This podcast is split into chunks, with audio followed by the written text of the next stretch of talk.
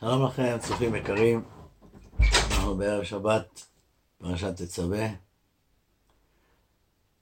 בגדי אהרון הכהן, הכשרתו של אהרון הכהן ובניו. אבל לפני כן, נישא תפילה לשלום החיילים שנלחמים בחירוף נפש בצפון ובדרום.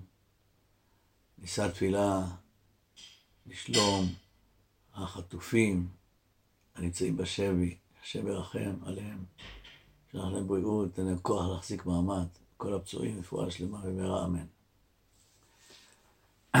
הנושא של השיעור הוא דממה והקול.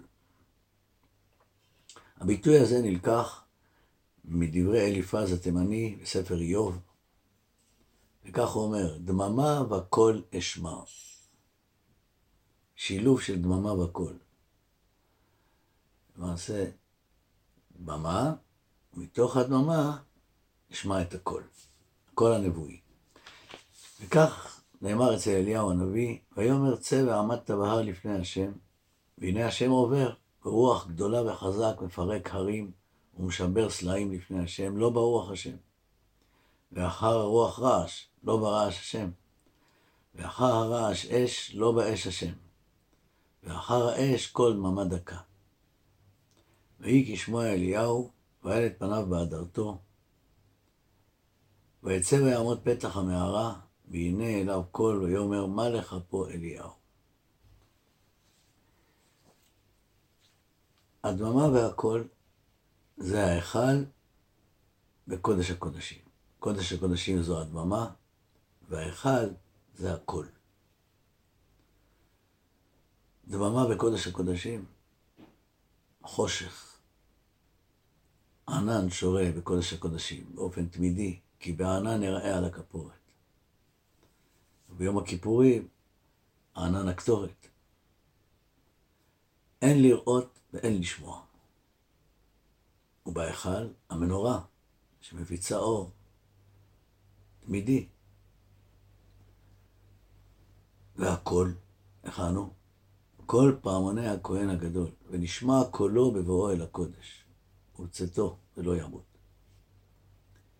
אבל זה כשהוא היה בהיכל, כשהיה נכנס הכהן הגדול לקודש הקודשים, היה פושט בגדי זהב ולובש בגדי לבן, שאין בהם פעמונים. אין בהם את הקול. כמו שאמרנו, כי בקודש הקודשים הייתה דממה מוחלטת. הנה שילוב בין הקול לבין הדממה. גם הפעמונים, כיצד היו מסודרים? לפי רש"י, פעמון ברימון, פעמון ברימון, עד שעולה המעיל לסביב לשרת. זה היה הצו האלוקי, פעמון ברימון, פעמון ברימון. הפעמון הוא חלול, משמיע קול. הרימון הוא מלא גרגירים, לא משמיע קול. זה היה רימון של בד, כמובן, אבל הפעמון היא מתכת. אז יש פה דממה וקול, דממה וקול, דממה וקול. הדממה היא הרימון והקול הוא הפעמון. השילוב הזה הוא שילוב מדהים. זה אותו שילוב שאנחנו אומרים כל יום. שמע ישראל, השם אלוקינו, השם אחד, השמע לאוזניך מה שאתה רוצה מפיך. זה הכל. בתפילת שמונה עשרה. הדממה. כמו שנאמר בחנה, רק שפתיה נאות וקולה לא יישמע. השילוב הזה הוא שילוב מדהים. יש קול שהוא קולו של האדם או מעשה ידי האדם. ויש גם את הקול הנבואי, שהוא דממה מבחוץ, והקול נשמע מעל הכפורת מבין שני הכרובים. אבל זה לא היה קול שהפר את הדממה בתוך קודש הקודשים, אלא זה היה קול שעבר פנימה אל תוך המוח ישירות כשמירה חלומית מתוך חלום הנבואה. אבל הדממה בחוץ לא הופרה. גם כשכהן הגדול היה מתפלל, מתפלל תפילה קצרה בבית החיצון, לא בקודש הקודשים. שם דממה רק שמיעה, רק ריכוז. זה דממה בקול. אז כביכול הדממה שייכת לבורא עולם, והכל נוצר בסביבות האדם, הרעש בסביבות האדם. המוח והלב. המוח מביע את החוכמה, את הבינה. הלב הוא, כן, מגיב להחלטות המוח, למה שקורה מסביב. ולכן יש תחושה שהלב, יש בו רגשות. למעשה הרגשות גם כן באות מהמוח, אבל הלב מגיב. המוח והלב, אנחנו רגילים לייחס את הרגשות אל הלב, בגלל מה שאמרנו. אבל יותר מזה, ללב יש לו גם את הפעילות העצמית שלו. הרי עוד לפני שנוצר מוח בעובר, כבר נוצר הלב. נקודה הראשונה, שהיא הפעימות של הלב, הקצב של הלב, נוצר לפני המוח. כי יש ללב, יש לו אה, יכול להדריך את עצמו בפעולת הקצב.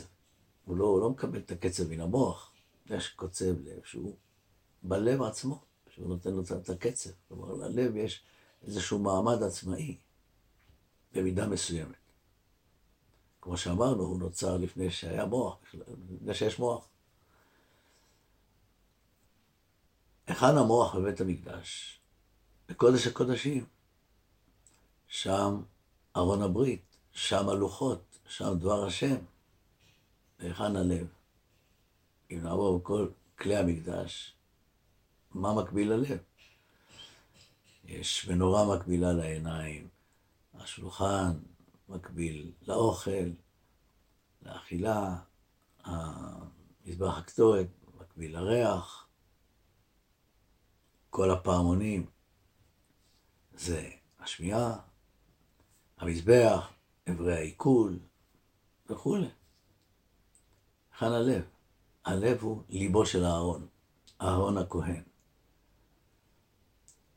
הוא נשא את משפט בני ישראל על ליבו לזיכרון לפני השם תמיד. אז הלב של המקדש הוא אהרון הכהן הגדול. כלומר, הקדוש ברוך הוא רוצה שאדם יהיה שותף איתו יחד, שותף לקדוש ברוך הוא במעשה בראשית. ואהרון הכהן היה משלים את החיסרון במקדש, כמו תפקיד האדם להשלים את החיסרון בבריאה. ברית המילה, כדוגמה. האדם הוא שותפו של הקדוש ברוך הוא, משלים את החיסרון בבריאה. הדממה והקול, השכל והרגש, כל ההפכים האלה שמתחברים יחד בתוך המקדש.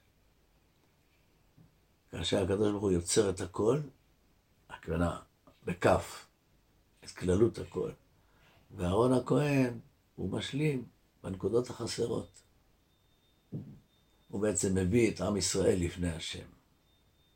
גם כאן יש, הקדוש ברוך הוא, הוא יוצר הכל, ועם ישראל הוא נציגו בעולם, שמשלים את החיסרון בעולם. וזה התפקיד שלנו בעולם, כדי שיהיה עולם שלם, עולם מאיר, עולם יפה. שלום לכם המאזינים. ולהשתמע.